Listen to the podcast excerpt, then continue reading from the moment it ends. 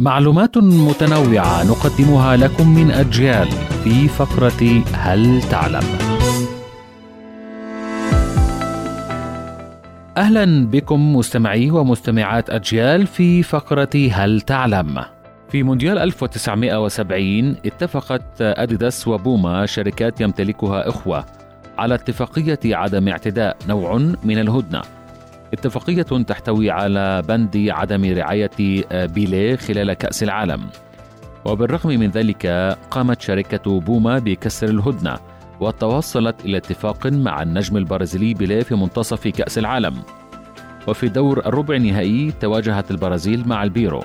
وقبل انطلاق المباراة مباشرة طلب بيليه من الحكم بعض الوقت ليربط حذاءه أمام أعين العالم.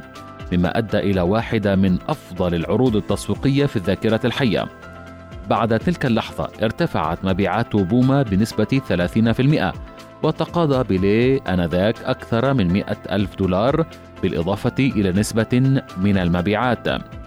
نجم الراحل بيليه كان ماركة مسجلة صنعها بنفسه في وقت لم يعرف أحد معنى ذلك داخل كرة القدم. كانت هذه فقرة هل تعلم؟ قرأها عليكم محمد إبراهيم.